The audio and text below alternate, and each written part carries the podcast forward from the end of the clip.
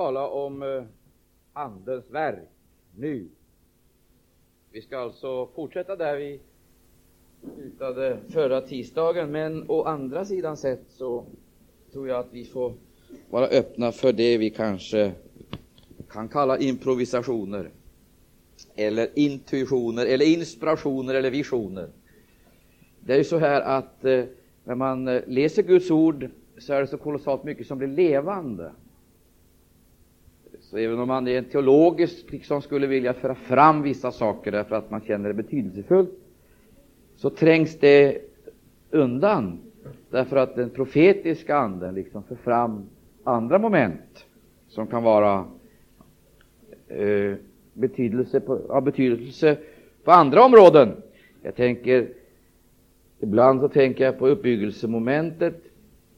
Vi har gått våldsamt hårt emot den moderna tidens sätt att liksom överbetona uppbyggelsemomentet. Det kan vara en risk så att vi helt utesluter det, utesluter det och överbetonar kampmomentet så till den milda grad att människor blir skrämda och rädda.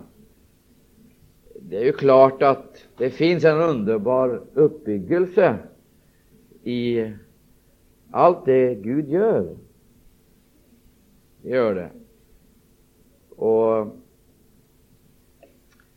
utan att vi äger denna inspirationskälla, denna outtömliga inspirationskälla, så är det ju ingen som orkar kämpa.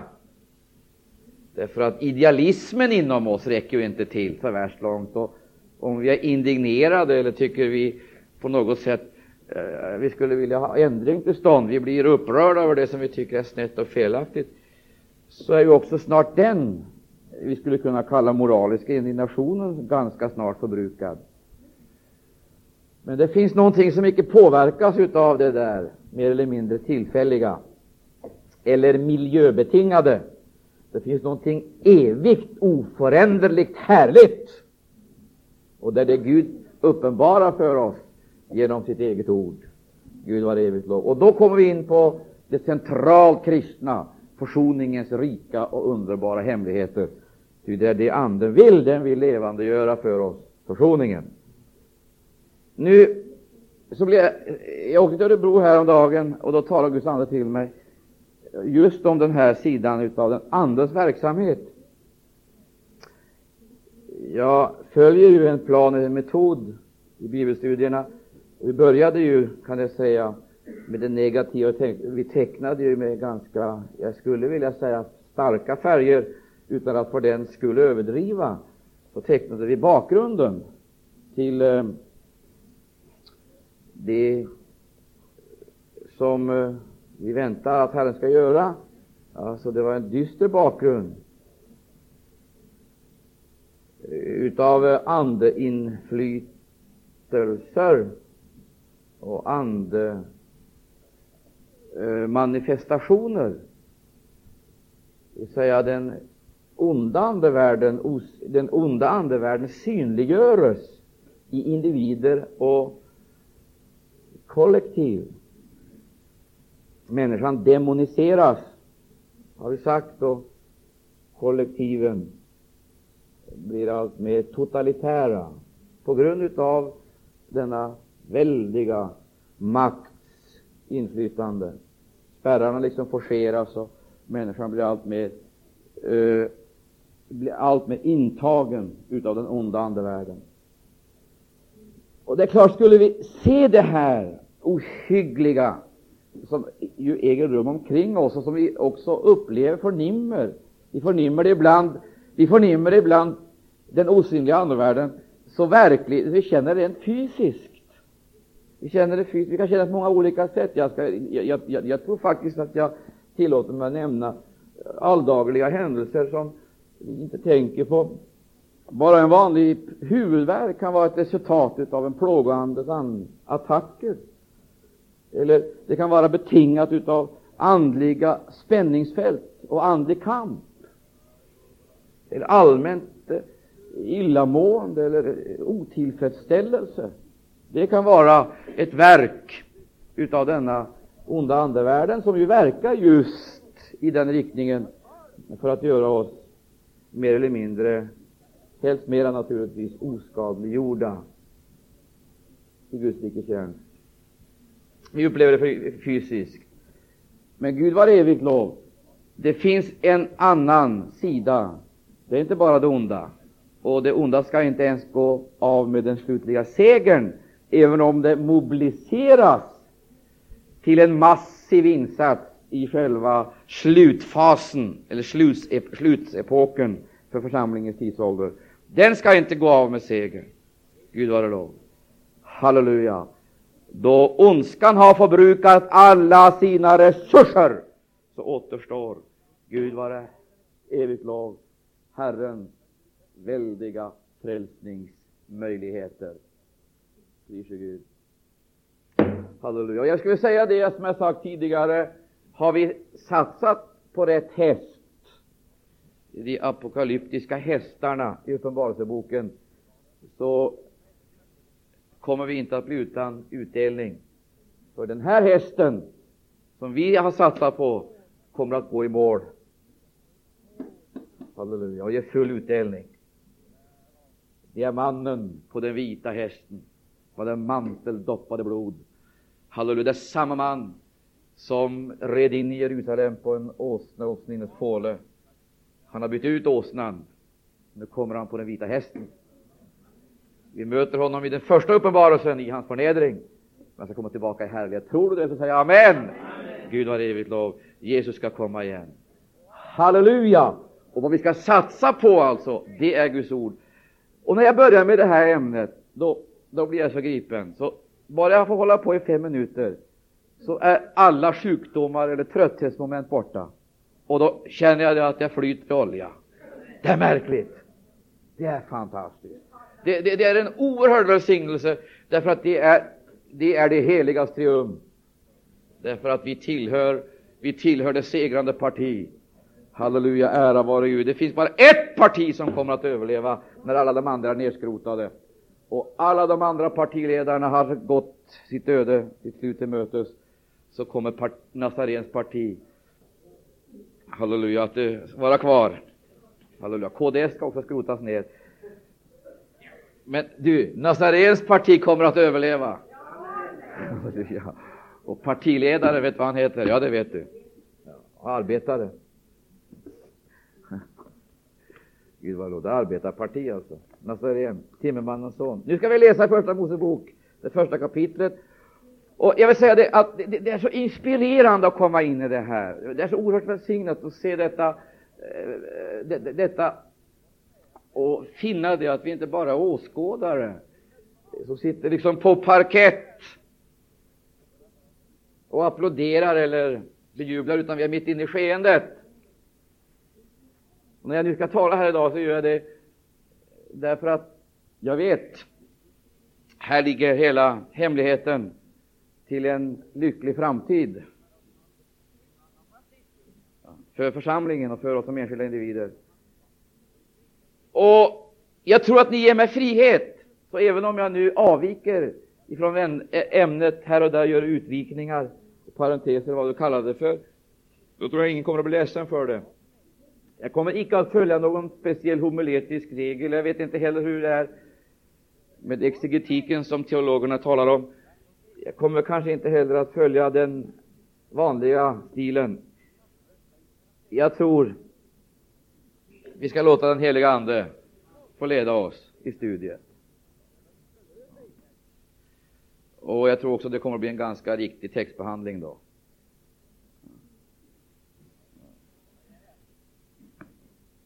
Så jag har varken punkter eller underpunkter, inledning eller avslutning. Avslutning blir aldrig. Bara inledning. Vartenda bibelstudium är bara en inledning. Vi läser första Mosebok 1 och så läser vi där den första versen i Jesu namn. Den första versen. Eh, och vi kan också läsa den andra versen, ja. Och någon läser då. Eller ska vi läsa i korus? Vi läser allesammans i korus. 1 och 2. I begynnelsen skapade Gud himmel och jord, och jorden var öde och tom, och mörkret var över djupet, och Guds ande svävade över vattnet. Guds ande svävade över vattnet. Så går vi till, eh, vi går till eh, Eh, uppenbarelseboken. Det här är alltså i begynnelsen. Och så ska vi då se ett, en annan begynnelse som egentligen är en fortsättning på ett annat slut. Eh, I Uppenbarelseboken, det ska vi läsa det 19 kapitlet. I det 19 kapitlet. Vi kan läsa 9 och 10. Någon läser där, Uppenbarelseboken 19, 9 och 10. Varsågod. Och han sade till mig, skriv, saliga är de som är bjudna till Lammets bröllopsmåltid. Ytterligare sade han till mig, dessa ord är sanna Guds ord. Och jag föll ner för hans fötter för att tillbedja honom. Men han sade till mig, gör icke så. Jag är din medtjänare och dina bröders deras som har Jesu vittnesbörd. Guds, Gud skall du tillbedja. Jesu vittnesbörd är profetians ande. Alltså, Jesu vittnesbörd är profetians ande. Alltså, Jesu vittnesbörd är profetians ande.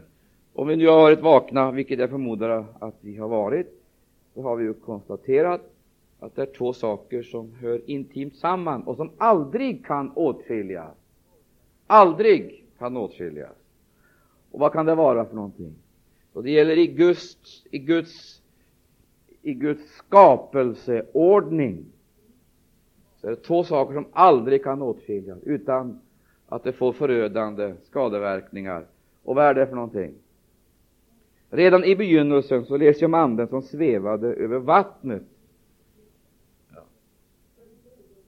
Ja, det är Guds ord och Guds ande. Vi möter det i Gamla testamentet, vi möter det i skapelsens begynnelse.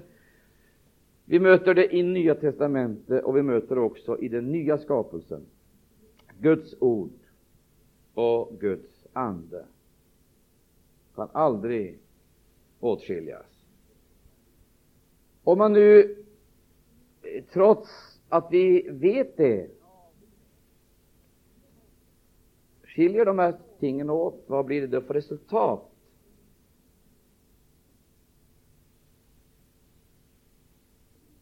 Man tänker sig ordet utan anden eller anden utan ordet.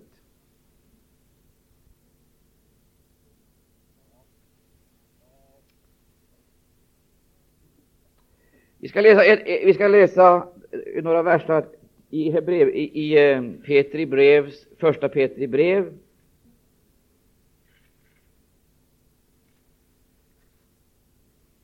I det andra Petri brevs första kapitel. I andra Petri första kapitel, där ska vi läsa några verser tillsammans. Vi läser 16, 17 och 18. Ja, vi läser till kapitlets slut. Alltså Petri första brevs 16 kap, eh, första kapitel, 16, 17 och till kapitlets slut. Ja, varsågod.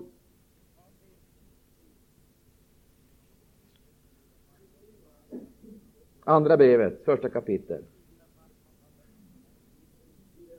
Det var några slut uttänkta fabler vi skönde när vi kungjorde för och Herrens Jesus Kristi makt och hans tillkommelse utan vi hade själva skådat hans härlighet.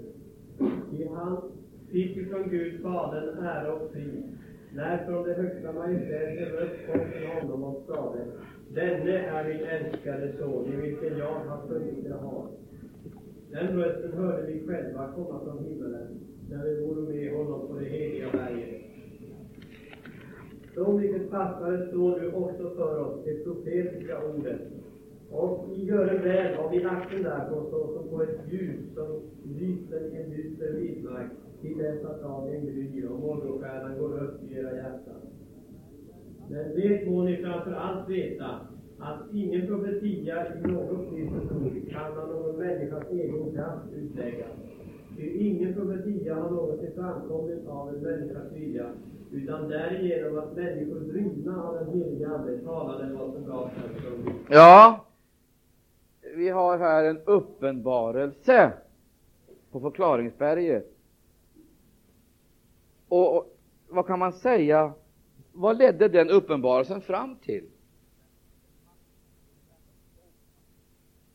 Alltså Gud måste ju ha en avsikt med allt det han gör.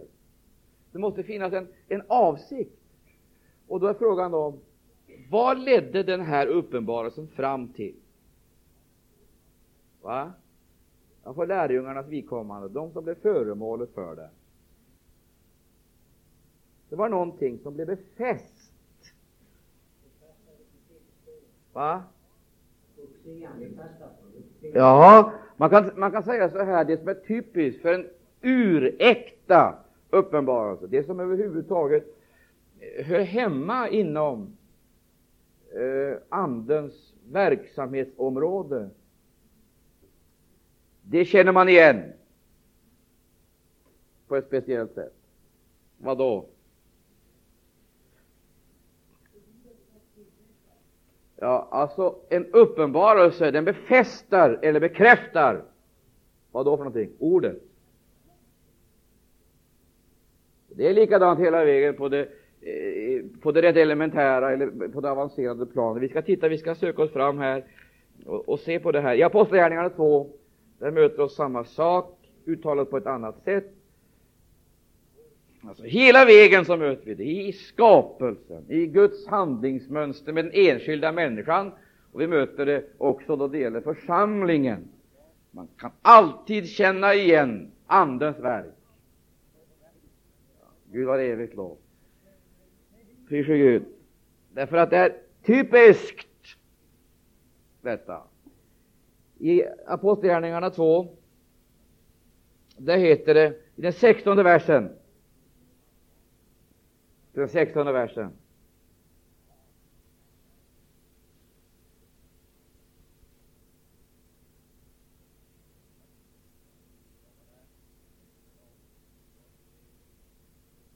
Varsågod.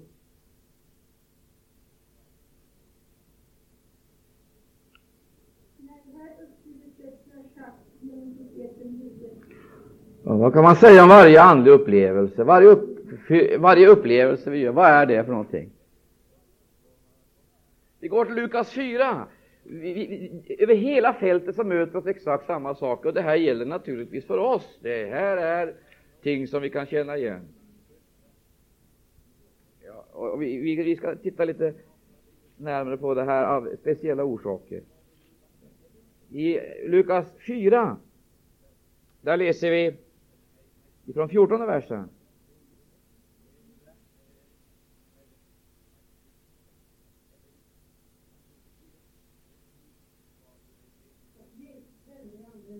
tillbaka till Galileen och ryktet om honom gick ut i hela den kringliggande trakten. Och han undervisade i deras synagogor och blev stiftare av alla. Så kom han till Nasaret, där han var uppfödd, och på sabbatsdagen gick han, så som hans sed var, in i synagogan, och där stod han upp till att föreläsa. Så rätte man åt honom profeten Isaias bok, och när han öppnade boken fick han se det ställe där det stod skrivet Herrens ande är över mig, ty han har smort mig. Han har sänt mig till att förkunna glädjens budskap för de fattiga, till att predika frihet för de fångna och syn för de blinda, ja, till att giva de förtryckta frihet och till att predika ett nådens år från Herren. Sedan lade han ihop boken och gav den tillbaka åt tjänaren och satte sig ner. Och alla som vore i synagogan hade sina ögon fästa på honom. Då begynte han tala till dem, idag är detta skriftens ord fullbordat inför edra öron. Jaha, vad är det som sker här i synagogan den här dagen? Som ju på sitt sätt blev som märkes, eh, ja, som blev så avgörande för Nasaret. Vad gör Jesus? Han föreläser och så hämtar han upp en text ur Gamla testamentet och så läser han den. Men så kommer han med ett tillägg som blev chock i Nasaret. Varför? Vad, vad hade skett i den här synagogen tidigare? Vad hade skett tidigare i den synagogan? Under alla, under alla årtionden, jag höll på att säga under, under flera generationer. Vad hade skett? Hade man inte läst den här texten tidigare? Va? Naturligtvis hade man gjort det. Men vad var det för skillnad på den här dagen och alla de övriga dagarna och de, alla de övriga tillfällena?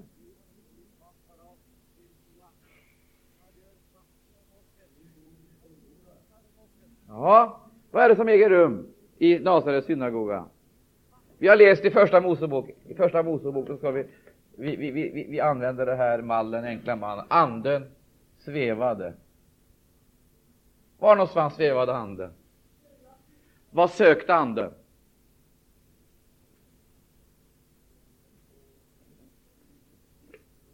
Vad var anden? Anden svävade. Vad, vad, vad, vill, vad vill ett sådant uttryck säga oss?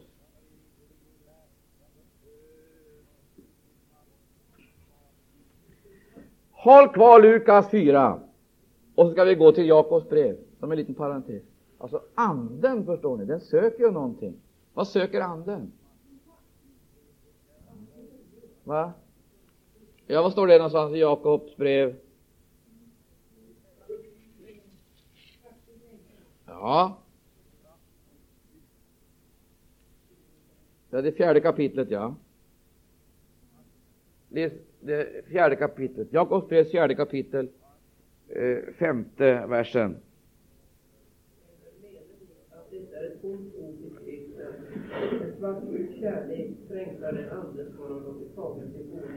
Ja, vad kan man säga? Vad är det anden söker?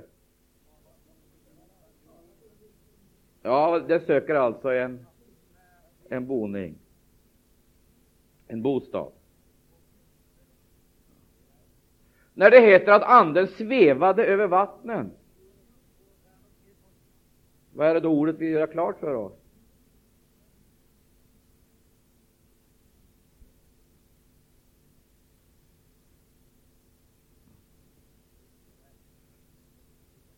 Vi går tillbaka till Lukas 4, därför att det finns nämligen här, om, vi, om vi följer de här bibelcitaten eller bibelställena ända ifrån Gamla testamentet, ifrån Första Moseboks första kapitel, så känner vi igen Anden. Andens olika verkningar och Andens egenskaper. Och vi känner igen Andens uppenbarelse, jag höll på att säga på olika nivåer. Anden svävade, anden trängtade, anden längtade. Lägg märke till, den längtade. Men anden trängtar och anden beder. Jag skulle, jag skulle vilja säga det, det, det, är frågan om riktningen. Det är frågan om riktningar här, och det, det, det är just detta det, vi måste göra klart för oss. Det är rörelseriktningarna. Det är rörelseriktning, två riktningar. Anden svävar över vattnet.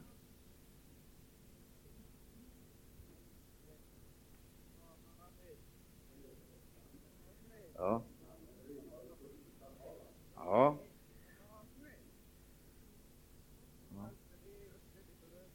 Men jag, jag, jag vill peka på de här två sakerna här, därför att frågan är vad som sker här emellan. För att I Uppenbarelsebokens sista kapitel, där möter vi Anden igen, som beder och vädjar, Och vad är det Anden, vad är det anden beder om?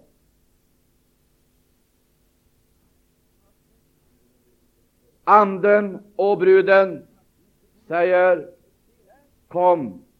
Och den som hörde säger Kom. Vem är det Anden beder till?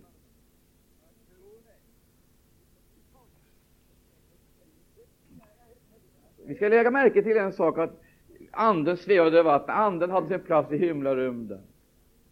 Det är tiden innan Anden så att säga gör sin, står färdig att göra sitt inträde i den nyskapelse som vi möter i eh, Första Moseboks första kapitel. Så möter vi Anden under historiens gång fram till pingstdagen och den blir utgjuten över församlingen. Så möter vi Anden i slutet av församlingens historia. Då ropar Anden, då längtar Anden bort ifrån jorden. Och då ropar Anden, kom Jesus. Vet du varför? Då, jag skulle vilja säga, då, då beder, jag, jag vågar säga så här, då, då beder anden, då ropar anden på hela mänsklighetens vägnar. Då beder anden, kom med befrielse, rättfärdighet och förlossning. Ropet ifrån denna jord har stigit upp till Gud.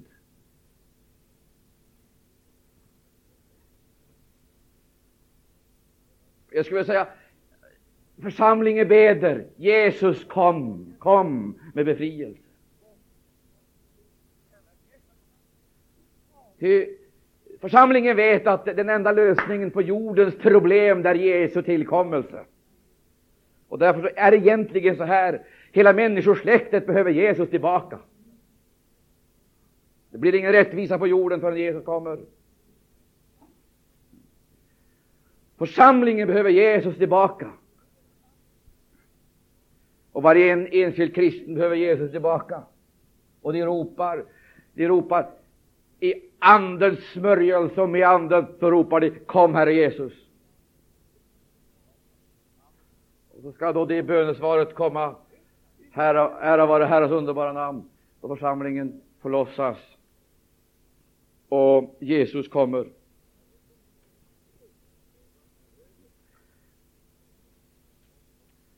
Prisat vare Herrens underbara namn.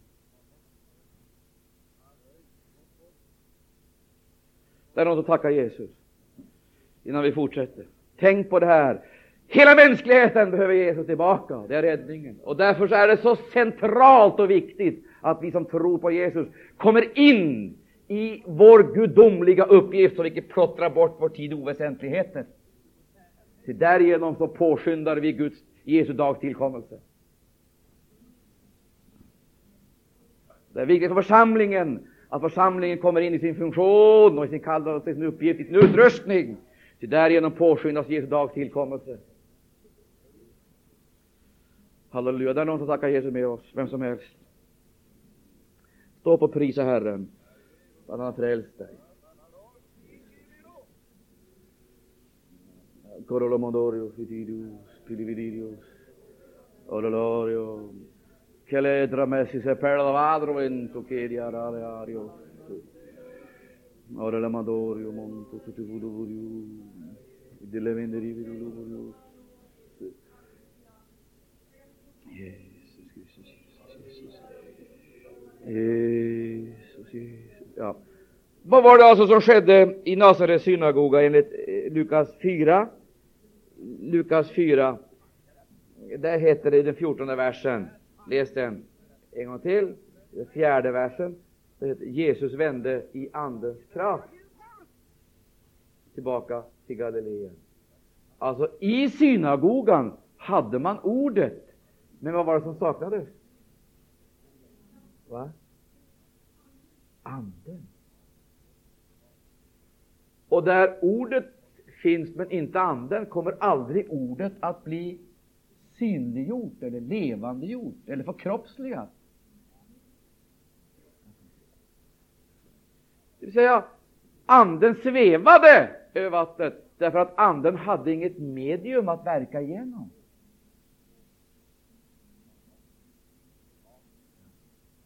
Det är väldigt farligt att tala om medium, men anden måste ha ett instrument. Anden måste ha ett medium. Annars kan anden aldrig verka. Anden den kan icke utföra någonting utan att den har ett instrument.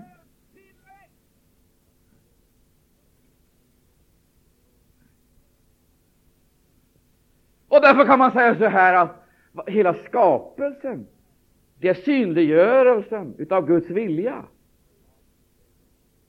Så om man vill driva det här lite längre än vad man vanligtvis gör, så kan vi känna igen anden, halleluja, i livet i livet. Det är livet i, i, i, i den synliga skapelsen.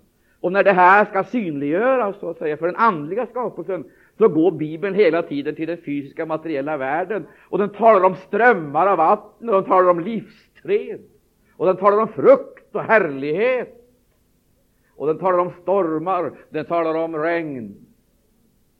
Allt det här, det finns alltså andliga motsvarigheter. Men en sak ska vi göra klart för oss, att anden måste ha ett medium. Och så skulle jag vilja säga, Guds ande, det söker instrumentet på ett alldeles speciellt sätt.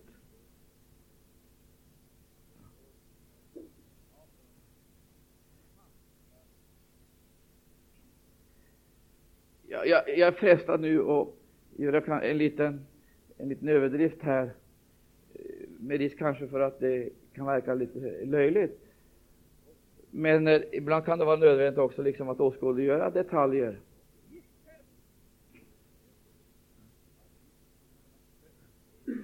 Gud söker ett instrument genom vilka anden kan verka. Och då är frågan den, hur, får jag använda det här uttrycket, skall det instrumentet vara konstruerat?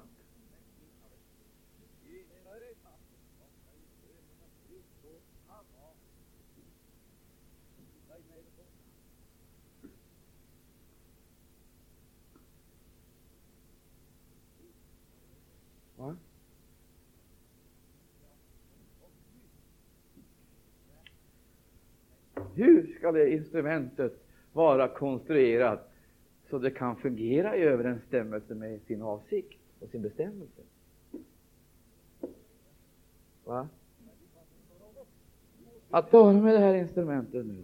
Käre gode Gud, vem kan du använda? Vem kan du använda? Vi tar ett exempel. Vi börjar nu då i det vi kallar den högre världen. Vi går den vägen istället för att börja den lägre, för då kan det verka lite löjligt.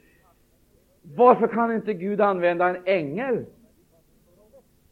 Att, a, a, a, varför kan inte Gud använda en ängel att predika omvändelsebudskapet? Varför kan inte Gud skicka Mikael och Gabriel till Afrika eller Brasilien? Eller änglarna till kontinenterna och vittna om frälsningen? Skulle inte de kunna göra det mycket bättre än människor kan göra? Va? Ja, men då kan man beskriva den. Jag skulle vilja fråga, är änglarna andesmordar?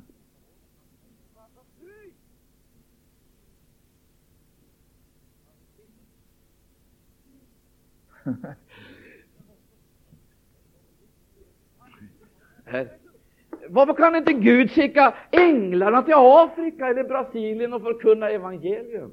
Varför ska Gud ta ut människor?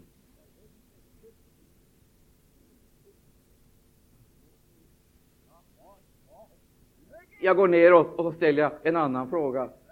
Varför kunde inte någon i den befintliga skapelsen bli hustru åt Adam?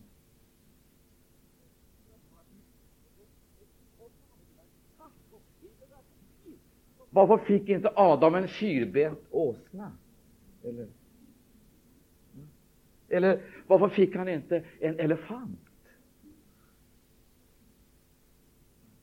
Jag, jag ställer frågorna, de är oerhört dumma, men jag gör det bara för att sätta det här liksom på sin spets.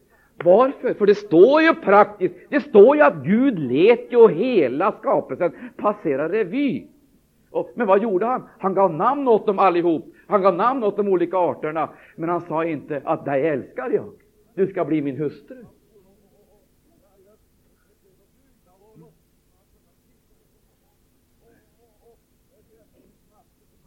Inte ens den vackraste apa passade om det fanns någon sån. Varför inte? Ja, men det står ju i skriften att alla passerade revy. Hela skapelsen fick passera revy. Och sen så vill jag fråga varför jag överför det här på nytestamentlig mark och jag hoppar ju över ett väldigt område här, en oerhörd, ett oerhört område. Varför kunde inte judarna bli Lammets hustru? Jesus skulle också ha en hustru. Varför kunde inte judarna bli det då? Eller romarna, eller grekerna?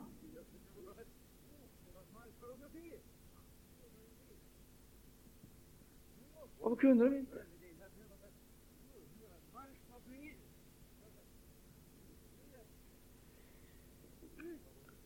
Vi går till Första Mosebok.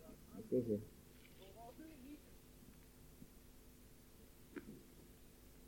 Arton.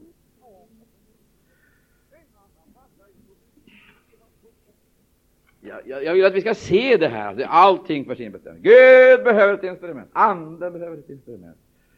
Halleluja, ära vare Gud. Pris Varför, Jag säger det, varför döptes människor i den heliga Ande? Och inte den övriga skapelsen. Varför döptes inte aporna i den heliga Ande? Fatta frågan, även om den verkar löjlig.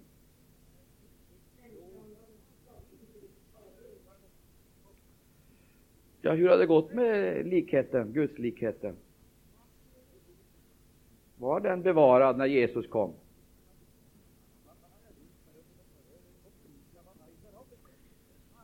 Första Mosebok 2. Det ska vi läsa. 18, 19 och 20.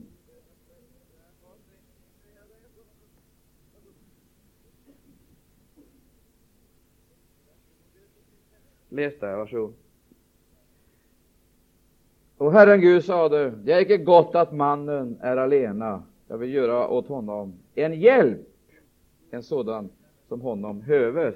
Kan stryka under det. Det ligger mycket i det där. Det är inte gott, står det här, men egentligen borde det stå det är inte nyttigt att mannen är alena. Jag vill göra åt honom en hjälp, en hjälp, en sådan som honom höver. Alltså det var någonting som fattades. Och så läser vi vidare. Alltså, här har vi det. Jag vill göra åt honom en hjälp. Så läser vi vidare. Och Herren Gud danade av jord alla markens djur och alla himmelens fåglar och förde den fram till mannen för att se hur denne skulle kalla dem. Ty så som mannen kallade var levande varelse, så skulle den heta. Det vill säga, utgångsläget var det här, det behövs en hjälp åt mannen. Det är inte nyttigt att han är alena. Lägg märke till, han är fortfarande alena och då börjar Gud skapa.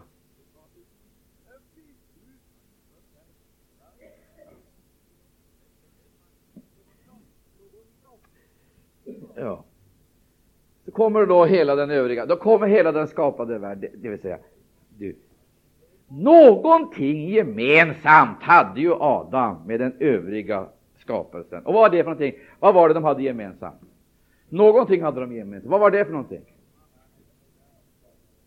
De var skapade av jord. Hade kommit till utav jord. Men det var någonting som skilde dem åt. Och vad var det som skilde dem åt?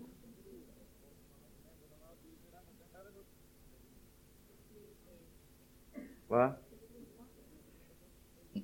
Vad står det någonstans då?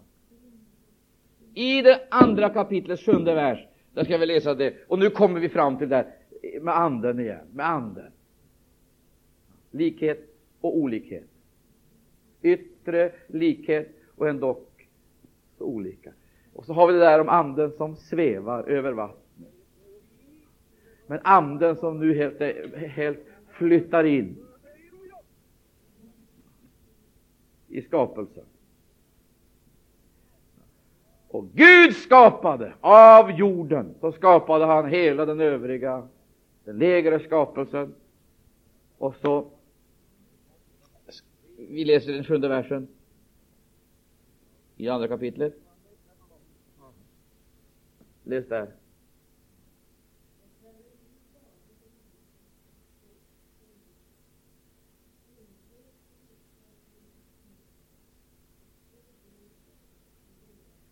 Människan är Guds konstverk. Gud danade. Eller människan, sa jag. Jag ska säga mannen är Guds konstverk. Håller du med om det?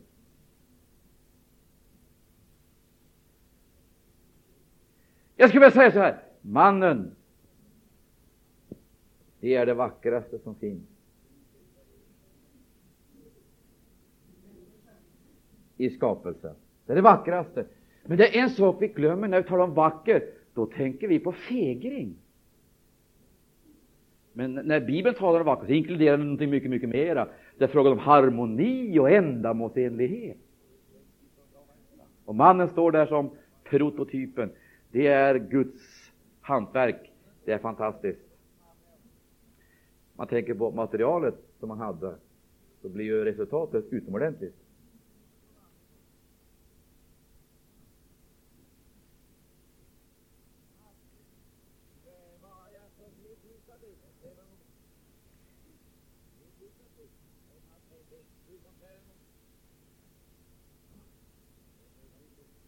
Halleluja. Tycker du det är vackert? Lägg märke till.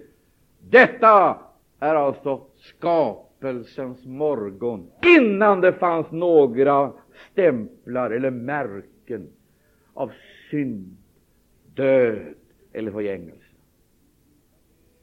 Och därför ska du lägga märke till att, ska, att mannen skapades till Guds avbild i tre avseenden. Alltså det, var det fråga om likhet i tre bestämda avseenden. Och nu vill jag fråga er, vad var det för likhet det gällde? Tre avseenden. Har ni reda på det? I likhet med Gud i tre avseenden. Åh, halleluja för denna underbara skapelse. Ingenting som var fel i den. Det som destruerade det, det var synden. Vi ska se i vilka avseenden den här likheten eh, fanns. Eh, vi håller kvar första Mosebok där, vi ska gå tillbaka dit lite senare, längre fram. Men nu ska vi läsa i Kolosserbrevet och i Efesierbrevet. I Kolosserbrevet.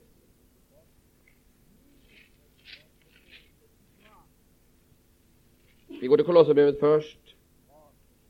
Och där läser vi i det tredje kapitlet.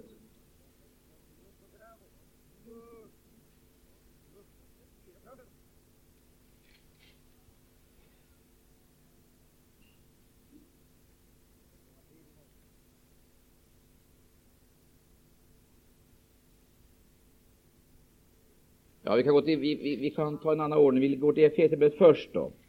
Vi går till Efesierbrevet först och så läser vi där. I, eh,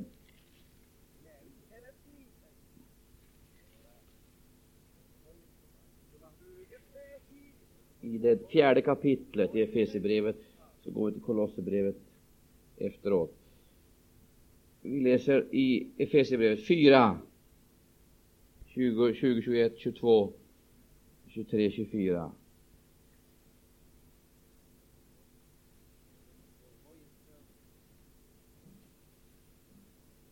Varsågod, läs.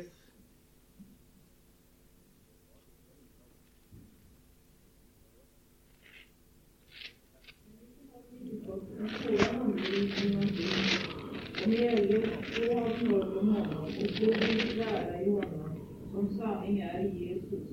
Att inte detta nu krävdes på grund av edert förra vandel, har den avlagt den gamla människan som sig genom att följa sina begärelsers bedrägliga lockelser. Och nu förnyas genom som. Det är väldigt viktigt att vi tar med det här, för nu kommer det igen. Men nu kommer det igen på ett annat sätt. Förnyens genom anden som bor i edert sinne. Vi är på det här området fortfarande. Fast nu talas det på ett annat sätt. Läs den där versen en gång till. Och så kommer den 24 versen där det talar om likhet. Likhet med Gud. I två bestämda avseenden står det här. Och så har vi ett tredje som vi också ska beröra. Varsågod läs.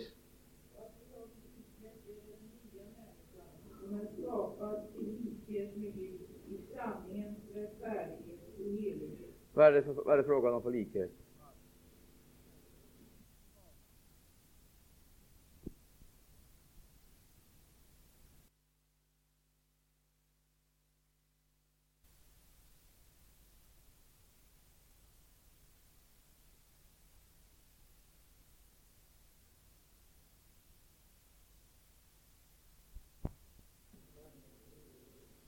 Jaha, vad gäller det? I sanningens rättfärdighet och helighet. Kolosserbrevet 3.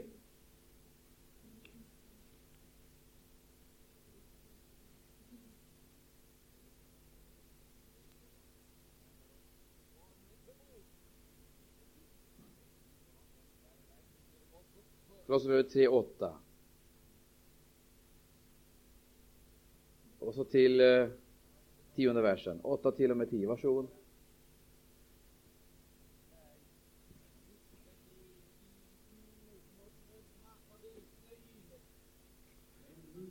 också tidigare och alltsammans. Vrede, häftighet, ondska, glädje, skamligt tal eller mun. Vi skulle inte ljuga varandra. Men avklätt eder den gamla människan med hennes gärningar och är det den nya, men som förnyas till sann kunskap. Och blir en avbild av honom som har skapat henne. Jaha, vi har talat om två områden. Rättfärdighet, sanningens rättfärdighet och helighet. Här får vi ett tredje. Där är de om likhet. Och vad, i vilket avseende? Ja, I fråga om kunskap. Och då är det tre områden som berörs. Vilka områden?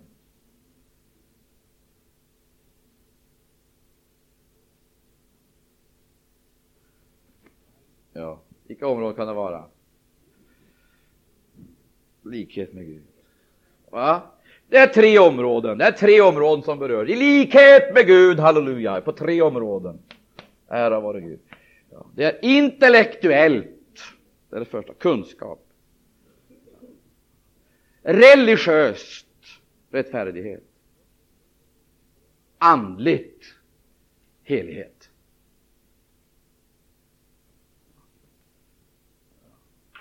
Då har vi hela vår personlighet.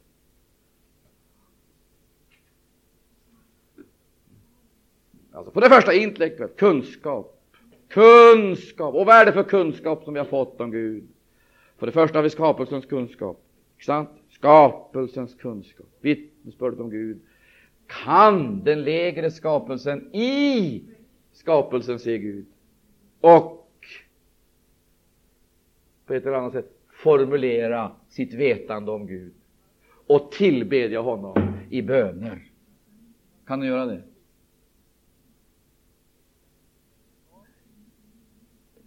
Har ingen möjlighet att göra det. Men vi har fått ett Guds medvetande. Har vi inte det? Halleluja. Ära vare Gud. Skapelsen kan sjunga spontant och skapelsen kan längta spontant. Skapelsen, det finns en suckan och en klagan i skapelsen, men denna kan inte uttryckas, formuleras. Utan den är, finns där, men den kan aldrig eh, kanaliseras på det sättet som din och min tillbedjan, lovsång till Gud kan göra. Halleluja, halleluja, halleluja, halleluja. Vi har fått ett gudsmedvetande. Hur många gudsmedvetande? Vi vet att Gud finns. Och vet du inte det, då har du sjunkit ned, förstår du, på de lägre varelsernas nivå. Och då har du förvandlats ifrån en andlig varelse till en animalisk driftvarelse. Det är olyckligt ställt. Men i Romarbrevet 1, i Romarbrevet 1, där får vi veta en sanning. Vi ska tillbaka till första Mosebok igen. Vi går till Romarbrevet 1. Hur många är det som har Guds medvetande? Vet ni att Gud finns? Hur många vet det? Vet att Gud finns så säg amen. Finns han? Var finns han någonstans då? Var finns Gud? Va?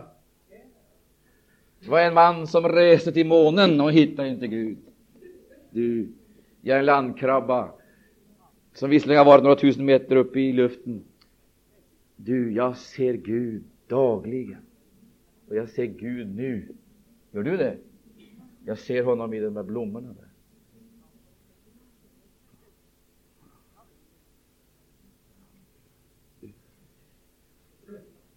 Jag ser Gud. och ändå så är det en sån enorm skillnad på blomman och mig. Tror jag åtminstone. Alltså, I Romarbrevet 1, I Romarbrevet 1, där heter det så här, i den 19 versen. Läs den 19 versen. Romarbrevet 1 och 19.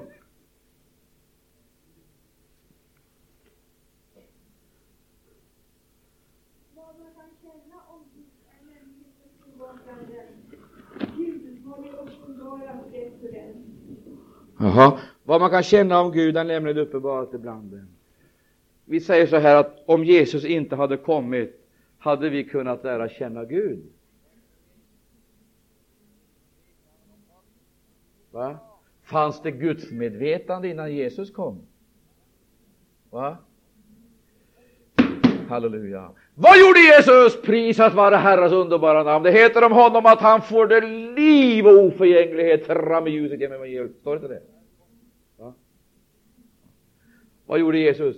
Han kom med en helt ny dimension. Inte sant? En helt ny dimension.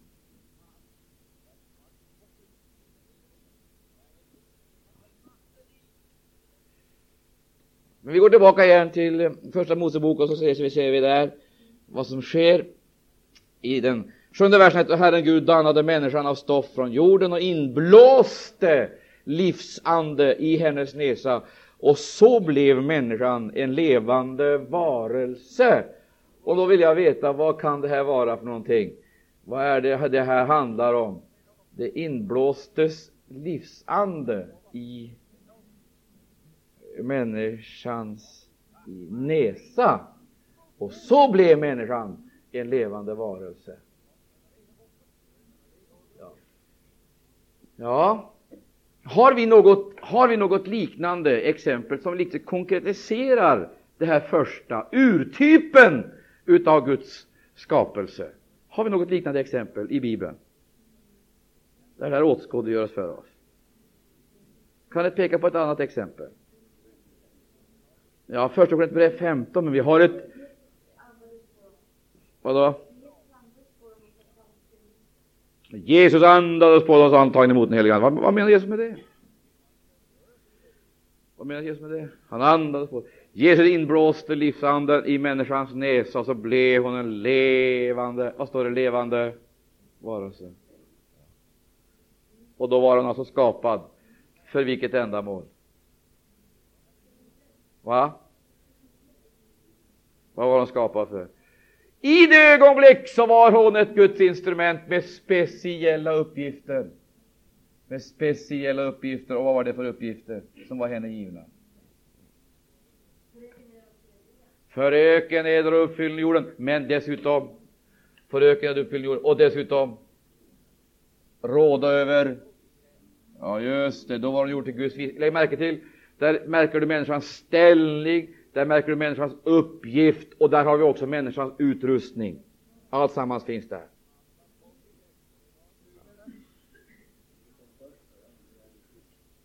Vänta ett litet ögonblick här nu, kom inte några förvirrande frågor här, för då kastar vi ut dig. Alltså, låt, låt mig få säga dig en, en sak här, min älskade broder och syster. Det, det, finns någonting här, förstår du, som vi ska försöka att se. Alltså, när vi blir döpta i den heliga Ande, så är det inte bara det att alla hjulen kommer i rörelse och det börjar snurra i alla sammanhang, utan vi kommer in i en plan, i ett gudomligt sammanhang, i en tjänst som kommer att beröra hela vår existens såsom människor. Det är detta som är så otroligt viktigt. Därför är Gud vill göra klart för oss vi får se till att vi inte sjunker ner på någon nivå som Herren inte vill vi ska röra oss på. Så vi måste komma in, vi måste komma in i sammanhanget.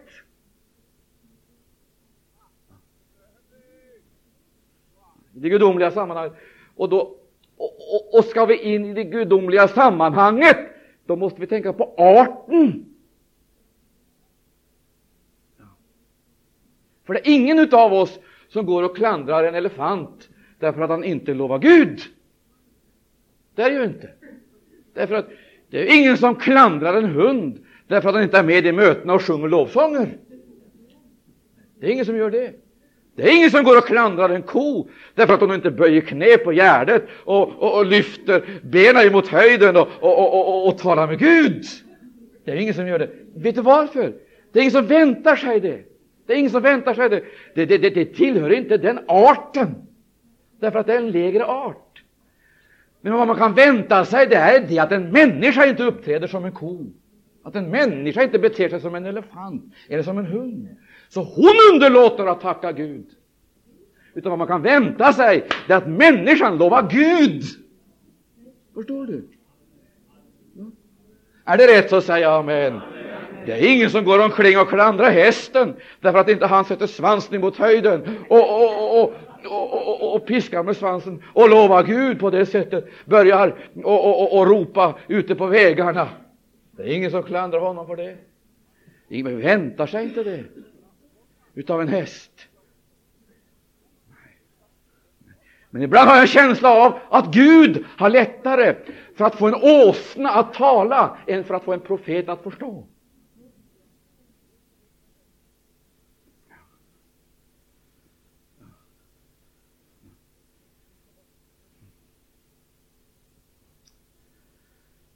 Fastän de hade lärt känna Gud, så prisade de och tackade de honom dock icke så som Gud, utan förföllo. Vägen emot fallet, det går inte i öppet revolt emot Gud, så vi bestorma himlarna och ta platsen på Faderns eh, högra sida härlighet och detronisera Sonen. Vägen på till avfall, det går genom försumligheter. Och försumligheten börjar i tillbedjan, i vårt sätt att tillbedja. Vi underlåter att prisa, lova och tacka Gud. Och nu ska jag berätta en sak för er. I natt eller tidigt i morse så kom den heliga Ande över mig. Ja. Och vet ni vad den heliga Ande sa? Bjud församlingen att lova mitt namn, att lova Herrens namn. Och så tänkte jag, men Herre, hur ska det gå till? Då var en röst som svarade, ställ inte den frågan. Tacka Gud för det ni har mottagit. Så ska tacksägelseämnena flöda in över församlingen och varenda en ska få uppleva Guds härlighet på ett sådant sätt att de får ständigt nya tacksägelseämnen. Och då fick jag vara med om en vision. På morgonen idag fick jag vara med om en märklig vision. Helt plötsligt så reste sig församlingen, reste sig församlingen och började sjunga Herrens lov med händerna lyfte mot himlen. Ära vare Gud. Och man sjöng, var och en sjöng. Man sjöng sin egen melodi och ändå också var det en och samma melodi. Man sjöng till Herrens lov, till Herrens ära. Du, hör här min älskade vän. Här ligger hela hemligheten, förstår du. Här ligger hela hemligheten. Gud måste ha ett instrument. Det är frågan om väsenslikhet. Och nu återvänder jag till det här. Adam såg hela den övriga skapelsen passera revy, men det var ingen som passade. Då lät Gud en djup sömn falla över Adam. Och så tog han revben, öppnade han hans sida och tog han revben. Så gick det till. Precis så gick det till. Fastän eh, eh, man nu vill bortförklara det. Men så här gick det till. Då öppnade fadern sonens sida och tog han ut ett revben. Och så gjorde han därav en kvinna. Och när mannen, efter han hade vaknat upp ur sömnen, såg Eva, då, vadå, då? Då kände han igen sig själv i henne.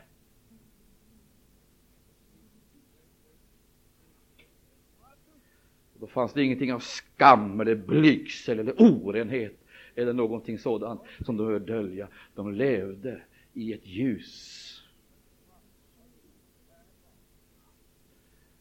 Han kände igen sig själv i henne.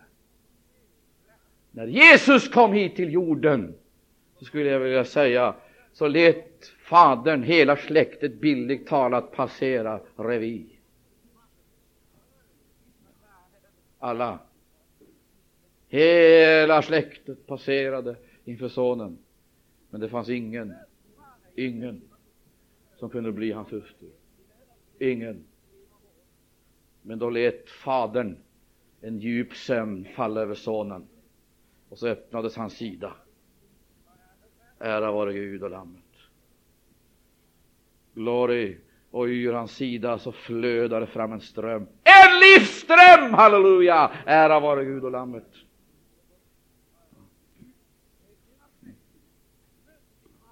Och så skapades en kropp. Halleluja. Skapades en ny kropp. Som han själv står som stamfader till. Den är tagen ut ur honom. Och sonen känner igen sig själv i hustrun.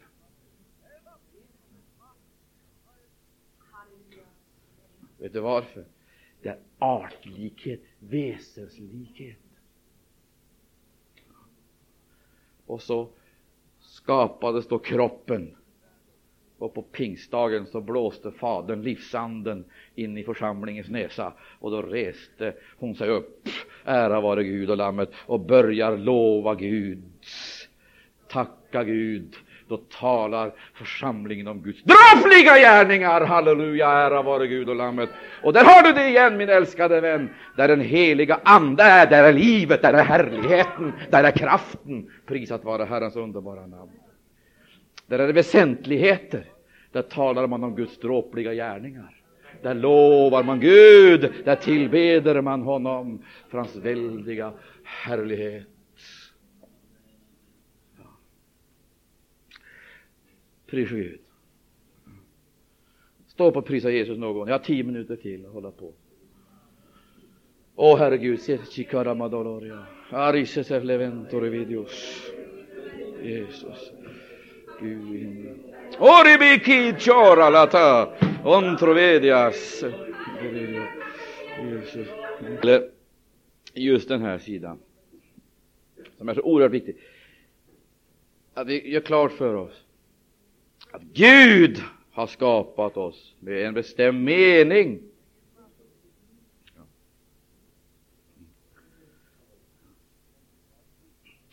Och det är så, detta är så betydelsefullt så jag tror att vi, jag tror, vi förmår inte gripa tag i det. det och det är endast den heliga Ande som kan levandegöra det för oss. För att vi är ju medvetna om att vi behöver Jesus. Den saken diskuteras ju aldrig. Det är självklart. Men om jag går så långt att jag säger låt oss göra en, honom en hjälp, en sådan som honom höves och överför det på Jesus. Då frågar man sig vilken hjälp behöver han? Alltså, det är inte nyttigt, det är inte gott för mannen att vara alena. Låt dem oss göra en hjälp en sådan som honom behövs. Och då frågar jag, behöver Jesus hjälp? Att vi behöver en hjälpare, därom råder väl inget tvivel. Den är ju så. Men behöver Jesus hjälpare?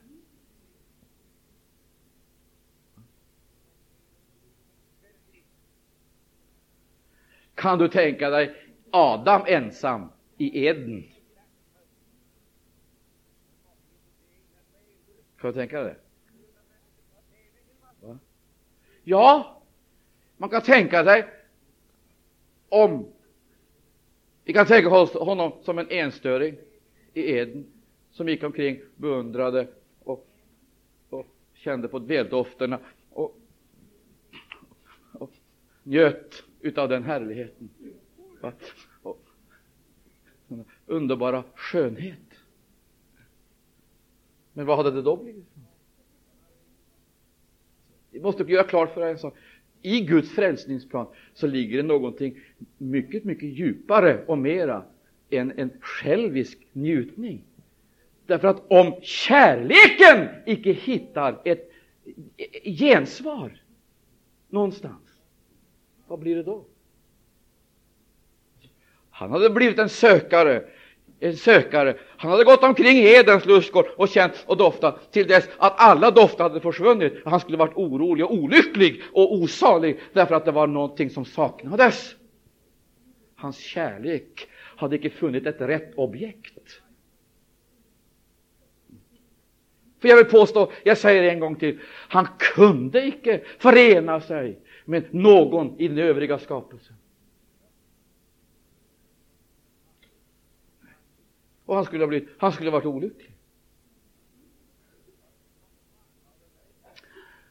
Och fatta mig nu rätt här, för det här är ingen spetsfundighet, men tänk efter. Jag tror personligen, den olyckan, den hade varit större än själva fallet.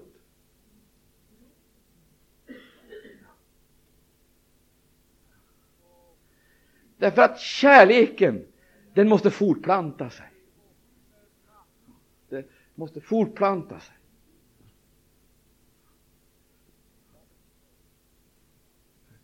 Men du vet att kärleken, den rör sig på olika områden. Det är en sak att tycka om en hund, att tycka om ett djur. Det är en sak, det är en sak att tycka om en skapad, en, en skapad företeelse, ett träd, en planta. Det är en sak att gilla en skönhetsupplevelse av det man har sett och varit med om. Det är en sak. Det är en helt annan sak att älska en annan som är av samma kött och samma blod och samma livsande. Det är någonting helt annat.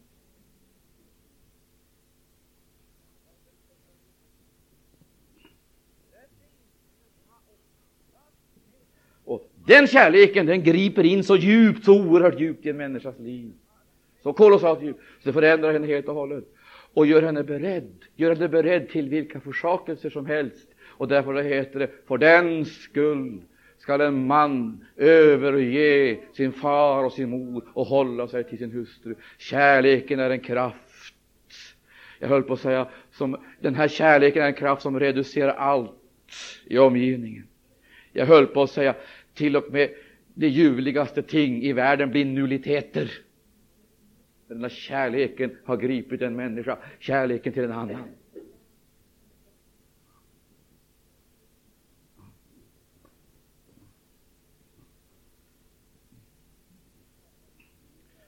Och finns det någonting som är så ohy ohyggligt som obesvarad kärlek eller försmådd kärlek?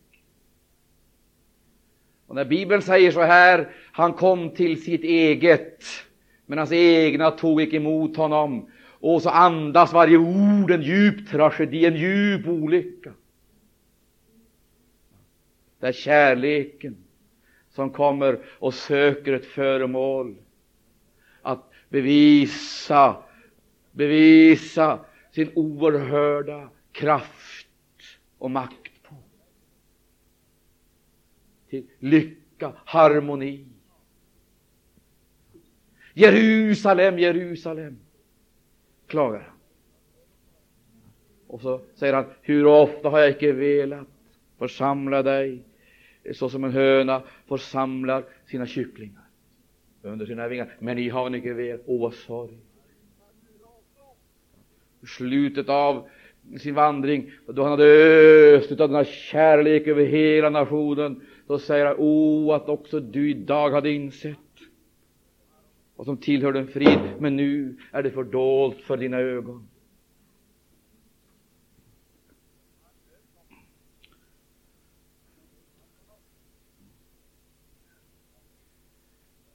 Men kärleken, den kan inte den kan aldrig vara passiv, den måste alltid vara aktiv och den kommer att vara uppsökande och sökande. Och den kommer att lida, den kommer att fröjdas. Den kan aldrig vara passiv, likgiltig eller avvaktande på det sättet. Och därför så heter det, han kom till sitt eget, men hans egna tog icke emot honom. Men åt alla dem som tog emot honom gav makt att bli Guds barn. Och jag skulle vilja säga, vi är svaret på denna kärlek. Församlingen är svaret.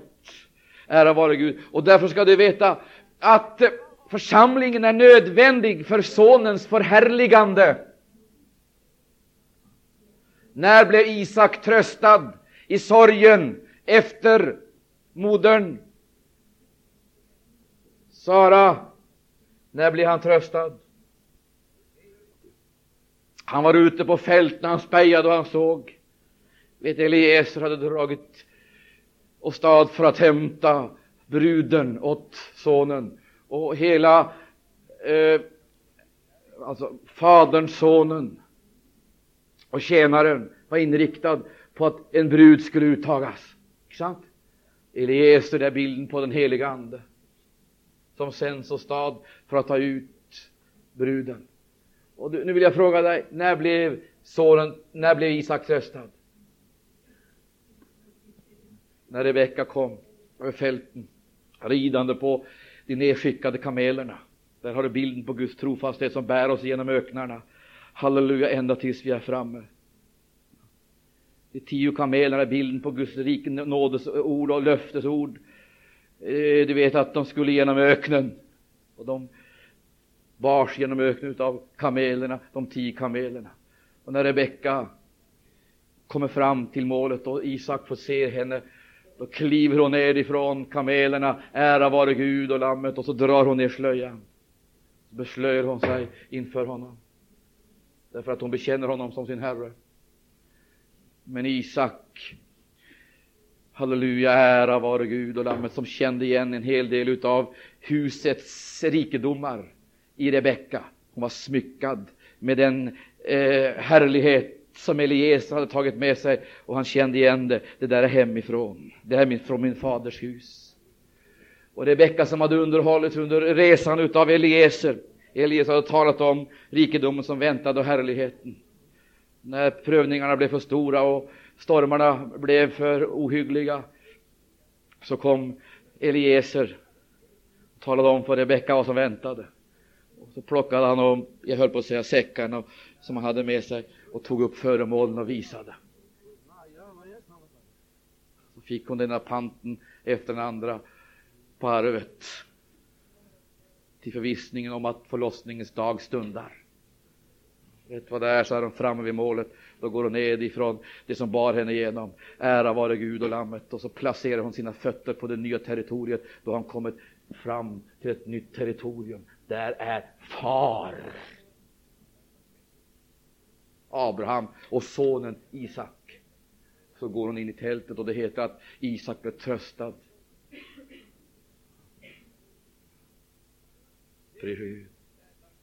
Och där har du ömsesidigheten igen, min älskade vän. Det är tre saker jag nämnt här i det här förhållandet. För det första, likheten. Det var Abrahams släkt, Rebecka. Hon talade Isaks språk, som förstod Eliezer under resan. Därför att hon var tagen ur samma språkgrupp efter förbistringen. Så Eliese kunde tala med henne och därför så förstod hon också Isak när han var hemma.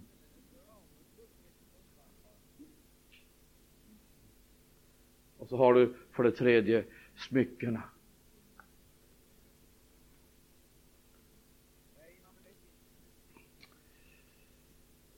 Ära vare Gud, besmyckat vid sitt inträde och i sin framkomst.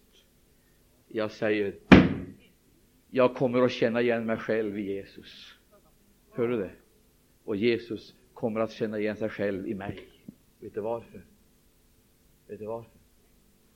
En och samma ande.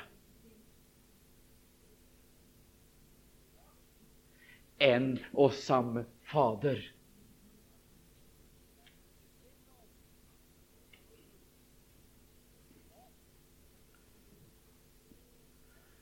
Och därför så vet vi, vi vet att vårt förhärligande, församlingens förhärligande är nödvändigt. För Sonens skull.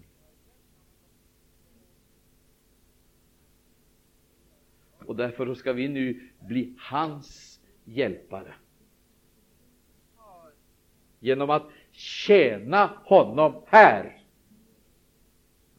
Så ska vi börja den tjänsten på det sätt skriften säger.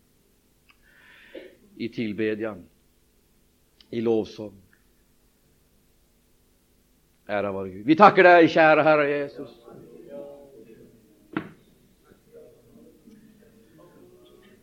tre, tre grundsatser som du kan sen hålla på och studera vidare. Det kommer att ge dig en oerhörd klarhet på de här punkterna. I en och samma ande. I en och samma ande. Heter det. Står inte det? Är vi döpta till att utgöra en och samma kropp? Men här går man vilse, ser du, därför att man ser inte distinktionerna. Man går helt vilse här, därför att man blandar ihop tingen. Och så överför man det ena på det andra och blandar ihop det, och så går man vilse. Men det är tre, det är tre saker det gäller. Det är Gud, det är Sonen, det är Anden.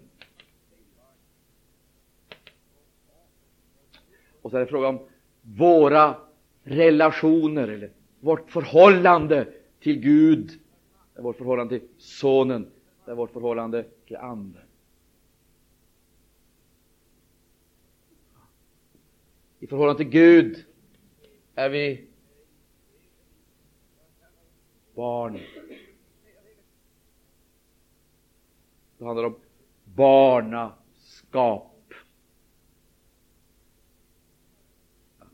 Och om vi fortsätter med den här relationen, det är frågan om vårt förhållande till Gud, vad blir vi då i förhållande till varandra?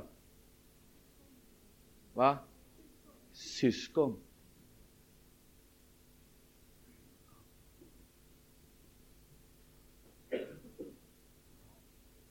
Men i förhållande till Sonen, i förhållande till Jesus Kristus, i förhållande till Sonen, där är vi inte barn. Utan i förhållande till Sonen är vi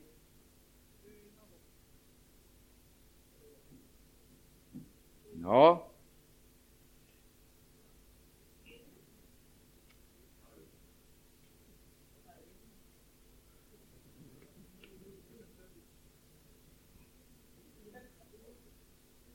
Vad är vi i förhållande till Sonen? Är vi brud? Sant? Men i vilket förhållande står vi då till varandra i den relationen? Va?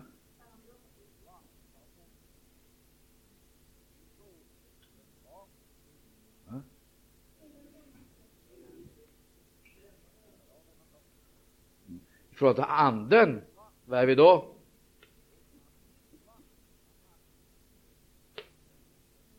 Vad är vi då? Boning. Men den är frågan den, var börjar det någonstans? Födelse, kärlek. Födelse, kärlek. Och sen instrument eller medel. Och jag vill peka på en sak här för dig, min älskade vän, som är oerhört viktig i det här sammanhanget. Det är frågan barn från till Gud, syskon. Om vi är en brudförsamling, vad är vi då i förhållande till varandra? Inför Jesus Kristus. Va? Ja. Om jag frågar om anden, boning, och nu kommer vi in på det här området. Här kommer vi in på det här. Här är frågan om barn, syskon, boning, kropp, tempel.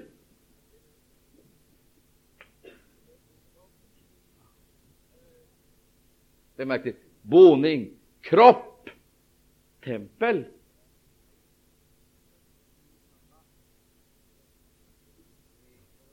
Boning, kropp, tempel.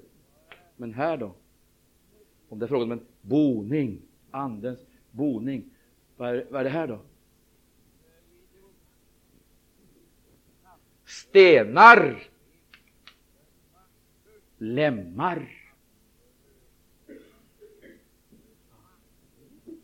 Och nu vill jag visa er en sak här till, till sist, som vi alltid ska komma ihåg. Det finns ett område dit ingen annan kan tränga, det är det här området. När det gäller barnaskapet så Barnaskapet, det står och faller med tron på Jesus Kristus. Det gäller barnaskapet, men här då gäller anden, då gäller det tjänsten. Då gäller det tjänst. Då handlar det om kropp och boning.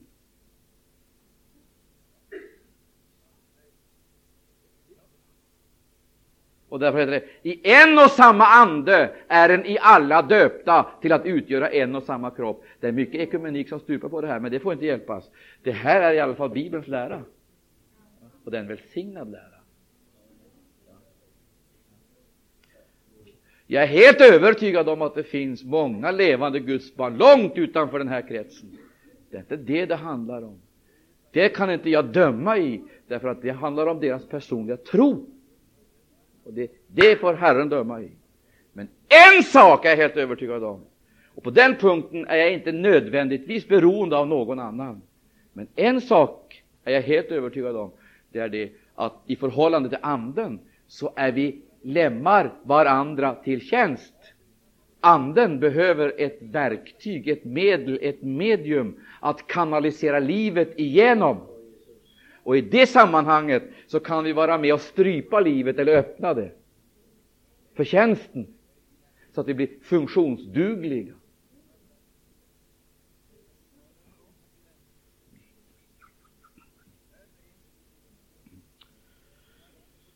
Prisat vara Herrens underbara namn. Och nu är det på det här sättet i förhållande. Anden behöver hela skaran. Det är, det är så att varenda en måste till, vara med. Herren är angelägen om att varenda en kommer i tjänst.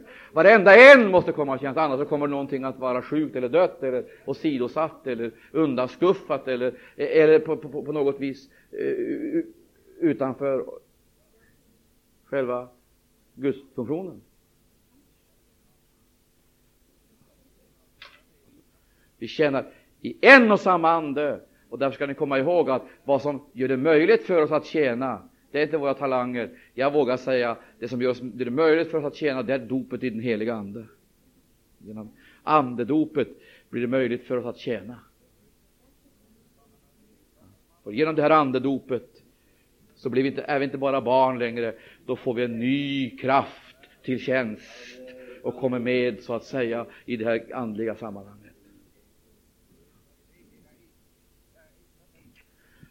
Då det förhållandet till sonen, då ligger det till så att han är den dyrbara stenen som av alla är förkastade.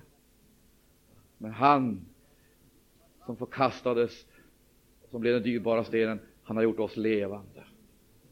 Så har vi blivit levande stenar. Men inte ens sen vi har blivit levande stenar så kan någon ta oss och placera oss. Utan sen när vi har blivit levande stenar så har Gud gett oss friheten att komma in i sammanhanget eller att avstå ifrån det. Och jag skulle vilja säga så här, jag kan vara i ett levande förhållande med Jesus Kristus utan att jag har någon som helst kontakt med några andra kristna, även om det är ett normalt, onormalt förhållande. Det normala är att stenen som blivit levande jord låter sig uppbyggas. Låter sig uppbyggas, det vill säga kommer in i huset, i templet, så det inte blir ensamt. Och det ska vi inte vänta med till den stora dagen, utan vi kommer in i sammanhanget redan här. Sen på den stora dagen så flyttas allt sammans hem som ett färdigt, ära vare Gud, tempel.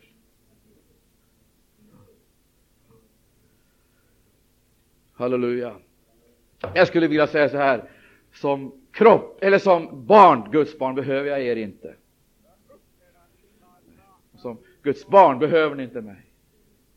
Det är jag övertygad om och som en levande sten, enskild och isolerad. Behöver ni strängt taget inte mig, för ni kan leva utan mig och jag, kan leva utan er. Men som kropp, då behövs alla lemmarna tillsammans för att fungera. Och det har med vår tjänst att göra. Och därför är det väldigt viktigt att vi är med i hela sammanhanget. Vi får arten, halleluja, och gemenskapen och kraften.